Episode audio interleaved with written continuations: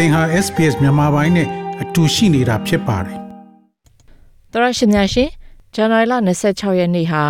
1988ခုနှစ်ရာစပြီးဩစတြေးလျနိုင်ငံကိုဗြိတိရှကိုလိုနီတွေစတင်ဝင်ရောက်တဲ့နေ့ဖြစ်ပါတယ်။ကိုလိုနီစတင်တဲ့အဲ့ဒီနေ့ကိုဩစတြေးလျနေ့ Australia Day လို့သတ်မှတ်တဲ့အပေါ်အမြင်မတူမှုတွေရှိပါတယ်။ ဌာနေတိုင်းသား Aboriginal နဲ့ Torres Strait Islander တွေအတွက်ကတော့ဇန်နဝါရီလ26ရက်နေ့ကို1938ခုနှစ်ရာစပြီးဝမ်းနည်းပူဆွေးသောနေ့ Day of Mourning အဖြစ်သတ်မှတ်ကြတာဖြစ်ပါတယ်။အဲ့ဒီနောက်ပိုင်းမှာတော့ကျူးကျော်ခံရတဲ့နေ့ Invasion Day ဒါမှမဟုတ်ဆက်လက်ရှင်သန်နေထိုင်ရေးနေ့ Survivor Day အဖြစ်သတ်မှတ်လာကြပါတယ်။ဇန်နဝါရီလ26ရက်အပေါ်ထားရှိတဲ့အမြင်သဘောထားတွေရဲ့နောက်ွယ်မှာအဓိကအကြောင်းအရာကတော့ sovereignty လို့ခေါ်တဲ့အချုပ်အခြာအာဏာဖြစ်ပါတယ်။ဥရောပတိုက်သားတွေလာရောက်အခြေချမှုမလုပ်ခင်မှာရှင်းနေပြီးသားဖြစ်တဲ့ဩစတြေးလျဌာနေတိုင်းသားတွေရဲ့မြေယာပိုင်ဆိုင်မှုတွေပညာရေးဥပဒေတွေ policy တွေကျန်းမာရေးအတွေးခေါ်စတဲ့အရာတွေကို အမွေဆက်ခံပိုင်ခွင့်ရှိဖို့ဖြစ်ပါတယ်။ဌာနေတိုင်းသားတွေရဲ့အချုပ်အခြာအခွင့်အရေးအကြောင်းပြောဆိုတဲ့အခါမှာ ဘုံသဘောသားအမြင်တွေရှိပေမဲ့ဌာနေတိုင်းသားတွေအကြားမှာလည်းသူတို့ရဲ့အချုပ်အခြာအာဏာကိုဘယ်လိုရယူမလဲဆိုတဲ့အပေါ်မှာလည်းအမြင်ကွဲလွဲမှုတွေရှိပါတယ်။ဩစတြေးလျနိုင်ငံမှာဌာနေတိုင်းသားတွေကိုအတိအမှပြုဖို့သဘောတူညီချက်လက်မှတ်ရေးထိုးဖို့နဲ့ဌာနေတိုင်းသားတွေရဲ့အတန်တွေကိုနားထောင်ဖို့ပြီးရင်အမှန်တရားအတိုင်းပြောဆိုလှုပ်ဆောင်ဖို့စတင်လာမှုတွေရှိနေပါတယ်။ ကွဲလွဲတဲ့အမြင်တွေကနေဘလို့နီးနဲ့ဌာနေတိုင်းသားတွေကိုအတိအမှပြုသွားမလဲဆိုတဲ့ပုံစံမျိုးတွေကိုလည်းရေးအမျိုးမျိုးရေးဆွဲပြီးပုံဖော်လာနေကြပါတယ်ပထမဦးဆုံး recognition အတိအမှပြုခြင်းကနေလှုပ်ဆောင်ဖို့ရည်ရွယ်နေကြပါတယ် အတိအမှပြုနိုင်တဲ့နီလန်းတွေထဲကကမ်းလှမ်းချက်တစ်ခုကတော့ဩစတြေးလျနိုင်ငံရဲ့ဖွဲ့စည်းပုံအခြေခံဥပဒေမှာအပြောင်းလဲလုပ်ပြီးဌာနေတိုင်းသားတွေကိုဖွဲ့စည်းပုံအခြေခံဥပဒေမှာအတိထည့်သွင်းပြီးတော့အတိအမှပြုဖို့ဖြစ်ပါတယ်။အခြေခံဥပဒေကိုပြောင်းလဲနိုင်ဖို့ကျွမ်းကျင်ပညာရှင်တွေလွှတ်တော်မှာကြားနာမှုတွေအစည်းအဝေးစာတွေနဲ့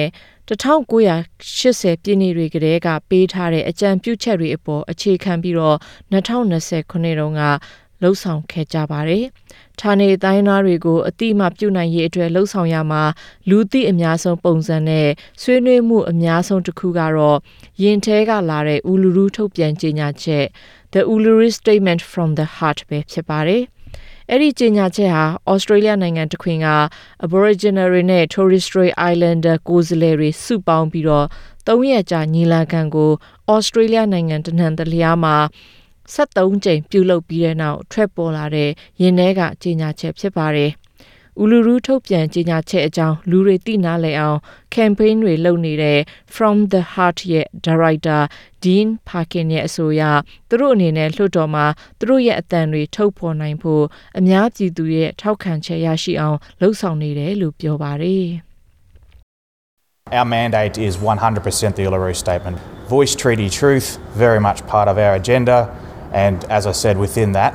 uh, the idea of a voice to Parliament. Um, that is representative of Aboriginal and Torres Strait Islander peoples ကျွန်တော်တို့ရဲ့လုပ်ပိုင်ခွင့်ကတော့တရားရခိုင်နှုန်းဥလူလူကြီးညာချက်ပဲဖြစ်ပါတယ်အဲ့ဒီတော့အသံသဘောတူစာချုပ်အမှန်တရားစတာတွေကကျွန်တော်တို့ရဲ့ agenda ထဲပါဝင်ပါတယ်အသံလို့ဆိုရမှာလွတ်တော်မှာ Aboriginal နဲ့ Torres Strait Islander တွေကိုကိုစားပြုပေးမဲ့လူရရှိဖို့ဖြစ်ပြီးလွတ်တော်မှာတင်ပြမှုလုပ်နိုင်ဖို့ဩစတြေးလျရဲ့ဒီမိုကရေစီထဲတထဲဝင်ဝင်ပြောဆိုနားလည်နိုင်ဖို့နဲ့ဩစတြေးလျရဲ့ ဖွဲ့စည်းအုပ်ချုပ်ပုံအခြေခံဥပဒေနဲ့အကာအကွယ်ရယူဖို့ဖြစ်ပါတယ်။အတိတ်တုန်းကလိုလှုပ်လိုက်ပြက်သွားလိုက်ဖြစ်တာမျိုးမလိုချင်တဲ့အတွက်အခြေခံဥပဒေနဲ့အကာအကွယ်ယူတာဖြစ်တယ်လို့လည်းပြောပါတယ်။ဌာနေတိုင်းသားတွေကိုဖွဲ့စည်းပုံအခြေခံဥပဒေထဲအတိအမှပြုဖို့အတွက်အဓိကလှုံ့ဆော်ချက်တစ်ခုထဲမှာသူတို့တွေကိုအတန်ပေးဖို့ဖြစ်ပါတယ်။သူတို့လူမှုအတိုင်းဝိုင်းအတွက်အရေးကြီးတဲ့ကိစ္စရတွေကိုဆွေးနွေးဆုံးဖြတ်ချက်ချတဲ့အခါမှာ သူတို့တွေကိုလည်းပါဝင်စေပြီးတော့ဆုံးဖြတ်ချက်ချခွင့်ပေးနိုင်ဖို့ဖြစ်ပါတယ်။တချို့လူတွေကတော့အတန်းလို့ဆိုရမှာလွှတ်တော်မှာကိုစားပြုမဲ့အတန်ထဲအစိုးရမှာတွားရောက်ပြီးတော့ကိုစားပြုမဲ့သူတွေကိုပို့ပြီးတော့လူလာနေပါတယ်။တက်လာတဲ့အစိုးရတိုင်းကိုချင်းကပ်ပြီးအရေးဆိုဖို့အကြံကို Australian ဌာနေတိုင်းသားရေးရာဝန်ကြီး Ken Watt ကအကြံပြုထားတာဖြစ်ပါတယ်။ The reality is you can have a voice to Parliament, uh, but the voice to government is to whichever significant party is the government of the day. They're the ones. တကယ်တကယ်မှာတော့လွှတ်တော်မှာကိုယ်စားလှယ်ထားပြီးမိမိရဲ့အတန်ကိုကြားရအောင်လှုပ်ဆောင်ခြင်းဖြစ်ပေမဲ့အစိုးရစီရောက်အောင်လှုပ်တဲ့အတန်ကပိုပြီးတော့အောင်မြင်မှာပါတကယ်တော့အာဏာရနေတဲ့အစိုးရကသာလျှင်ပိုလှုပ်ပိုင်ခွင့်ရှိတာဖြစ်ပြီးသူတို့ကသာလျှင် policy အပြောင်းလဲတွေဥပဒေမူကြမ်းတွေကိုအဆိုတင်သွင်းတာမျိုးကြိုးကင်လှုပ်ရှားနိုင်မဲ့အတွက်ဖြစ်တယ်လို့ပြောပါတယ် အဲ့ဒီတော့အစိုးရကသာလျှင်ချင်းကပ်ပြောဆိုနားချရမယ်လူဖြစ်တယ်လို့ပြောပါတယ်အစိုးရစီအတန်ရောက်သွားရင်လွှတ်တော်စီကိုလည်းရောက်သွားမှာဖြစ်တယ်လို့သူကပြောပါတယ်။ဒါပေမဲ့ဘန်ဂျူလန်နဲ့ခန်ဂါရာကန်လူမျိုးဖြစ်သူဒါနီလာကင်ကတော့မပြုတ်နိုင်ဖို့အတွက်လွှတ်တော်တို့အစိုးရတို့ကိုချင်းကပ်ဖို့ပြောပေမဲ့အဲ့ဓာတွေကစိတ်ပြက်စရာရလတွေဖြစ်ပေါ်လာနိုင်တယ်လို့ထောက်ပြပါတယ်။ သူမဆိုလိုတာကတော့ဖွဲ့စည်းအုပ်ချုပ်ပုံအခြေခံဥပဒေထဲမှာဌာနေတိုင်းသားတွေကိုအတိအမှပြုခံရဖို့ဆိုတာဖွဲ့စည်းပုံအခြေခံဥပဒေပြောင်းလဲမှာဖြစ်နိုင်မှာဖြစ်ပြီးပြည်သူဆန္ဒခံယူပွဲကျင်းပတဲ့အခါမှာပြည်သူအများကမထောက်ခံရင်စိတ်ပြည့်စရာဖြစ်မှာကို ထောက်ပြတာဖြစ်ပါတယ်။ဌာနေတိုင်းသားတွေကိုအတိအမှပြုတယ်ဆိုတဲ့အချက်တည်မြဲဖို့အတွက် ဖွဲ့စည်းပုံအခြေခံဥပဒေမှာထည့်သွင်းဖို့စ조사မှုတွေရှိသလိုနောက်တစ်နည်းကတော့ treaty ဆိုတဲ့စာချုပ်ချုပ်ဆိုတဲ့နည်းကလည်းဖြစ်နိုင်တယ်လို့ပြောဆိုကြပါတယ်။စာချုပ်ဆိုတာဩစတြေးလျအစိုးရနဲ့ဌာနေတိုင်းသားတွေအကြားတရားဝင်သဘောတူညီမှုလက်မှတ်ရေးထိုးတဲ့စာချုပ်ဖြစ်ပြီးအဲ့ဒီစာချုပ်ထဲမှာဗြိတိရှတွေမတိုင်ခင်ဒီမြေယာတွေကိုဌာနေတိုင်းသား Aboriginal တွေနဲ့ Torres Strait Islander တွေပိုင်ဆိုင်ပြီး နောက်ပိုင်းမှာအသိမ်းခံလိုက်ရတဲ့အကြောင်းထည့်သွင်းရေးသားဖို့ဖြစ်ပါတယ်။လူအများအပြားအတွက်ကတော့လွှတ်တော်စီအတန်ရောက်ရှိရေးအစားနိုင်ငံအဆင့်သဘောတူညီချက်စာချုပ်ဖြစ်ပါစေဒါမှမဟုတ်ပြည်내ဒေတာဆိုင်ရာသဘောတူညီမှုစာချုပ်ဖြစ်နိုင်ပါစေဒါကိုအဓိကထားလှုပ်ဆောင်သင့်ပြီးအဲ့ဒီလိုလှုပ်ထားနိုင်ရင်တော့ဌာနေတိုင်းသားတွေရဲ့အချုပ်အခြာအာဏာကိုအတိအမှပြုရရောက်ပြီးအဲ့ဒီကနေတဆင့် နယူးဇီလန် အမေရိကန်နဲ့ ကနေဒါနိုင်ငံက ဌာနေတိုင်းသားတွေကိုလှုပ်ပြီးသလို ရင်ကြားစစ်ရေးလုပ်ငန်းတွေ အမှန်တရားပြောဆိုမှု truth telling တွေ ဖြစ်ပေါ်လာနိုင်မယ်လို့ ပြောပါတယ်။အဲဒီလို အမြင်မတူမှုတွေကြောင့် ဌာနေတိုင်းသား ကိုယ်စားလှယ်တချို့ဟာ2019ခုနှစ်ဦးလူရူးညီလာခံကနေ ထွက်ခွာလာကြပြီး အဲ့ဒီအထဲမှာ Green Party ရဲ့ Victoria ပြည်နယ် လွှတ်တော်အမတ်ဖြစ်သလို ဂန်နိုင်နဲ့ဂွန်ဒီဂျာမာရာလူမျိုးစုအမျိုးသမီးသူဖြစ်သူလီဒီယာတော့လည်းပါဝင်ပါတယ်။နိုင်ငံအတွင်းကလူမျိုးစုတိုင်းပါဝင်လာအောင်အရင်ဦးဆုံးတိုင်ပင်ဆွေးနွေးမှုတွေလုပ်ဖို့လိုအပ်နေစေဖြစ်တယ်လို့သူကထောက်ပြပါတယ်။ It is their right to self determine what they want and what they need. So I think we need to ensure that we have respectful သူ conversations. တို့တွေဘာလို့ with ချင် people ကြသလဲ about ဘာတွေလိုအပ်တယ်လဲဆိုတာ သူတို့တွေကိုယ်တိုင်သာဆုံးဖြတ်ပိုင်ခွင့်ရှိသင့်ပါတယ်လူတွေနဲ့လေးစားမှုရှိတဲ့စကားဝိုင်းမှာပြောဆိုဆွေးနွေးမှုလုပ်နိုင်အောင်ဖိတ်ခေါ်ဖို့လိုအပ်တဲ့အကြောင်းအောက်ခြေလူဒန်းစားတွေကိုထိန်ချန်ပြီးတချို့လူတွေကိုသာရွေးချယ်ဖိတ်ခေါ်တာမျိုးမလုပ်သင့်ဘူးလို့ပြောပါတယ်အချုပ်အခြာအာဏာလို့ပြောတဲ့အခါမှာ အောက်ခြေက Aboriginal နဲ့ Torres Strait Islander တွေအဓိကလှုပ်ရှားမှုကနေဖြစ်လာတာလည်းဖြစ်ပါတယ်။တချို့ Aboriginal နဲ့ Torres Strait Islander လူငယ်အဖွဲ့အစည်းတွေကတော့သဘောတူညီမှုစာချုပ်ချုပ်တဲ့နည်းကိုပိုသဘောကျပြီးပြည်သူ့ဆန္ဒခံယူပွဲဒါမှမဟုတ်ဖွဲ့စည်းအုပ်ချုပ်ပုံအခြေခံဥပဒေထဲမှာထည့်သွင်းစဉ်းစားတဲ့နည်းကိုမလိုလားကြပါဘူး။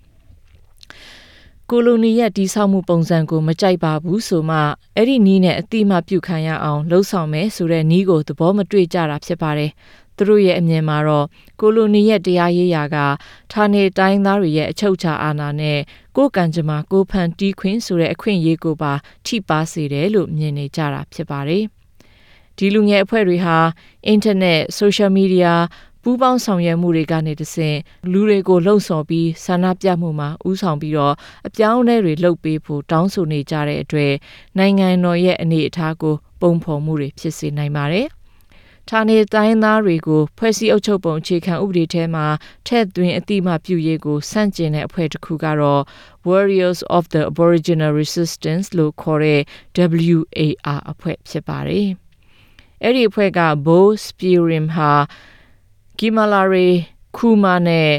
မူရဝါရီမျိုးနယ်စုကဖြစ်ပြီးသူ့အနေနဲ့ top down approach ကိုမကြိုက်လှဘူးလို့ပြောပါတယ်။ဌာနေတိုင်းသားလူမှုအတိုင်းဝိုင်းနေနဲ့ပြောဆိုဆွေးနွေးမှုတွေလုပ်ခဲ့ကြပေမဲ့နီးမှန်လမ်းမှန်နဲ့မလုပ်ကြဘူးလို့ထင်ပါတယ်။ Aboriginal လူမျိုးတွေအကြောင်းပြောဆိုဆွေးနွေးတာမျိုးလည်းမလို့ချင်ပါဘူး။ပြောဆိုဆွေးနွေးမှုလုပ်တဲ့အခါမှာသဘောတူစာချုပ်အကြောင်းအမြဲတမ်းထည့်သွင်းပြောဆိုလေးရှိတယ်လို့သူကပြောပါတယ်။ အတိအမှပြုပြီးဆိုရင်တော့ဘယ်အတိုင်းအတာအထိဘယ်နည်းကိုကြည့်ပြီးအောင်မြင်ပြီလို့ပြောနိုင်တယ်လဲဆိုတာကိုလည်းငင်းခုန်လေးရှိကြပါတယ်။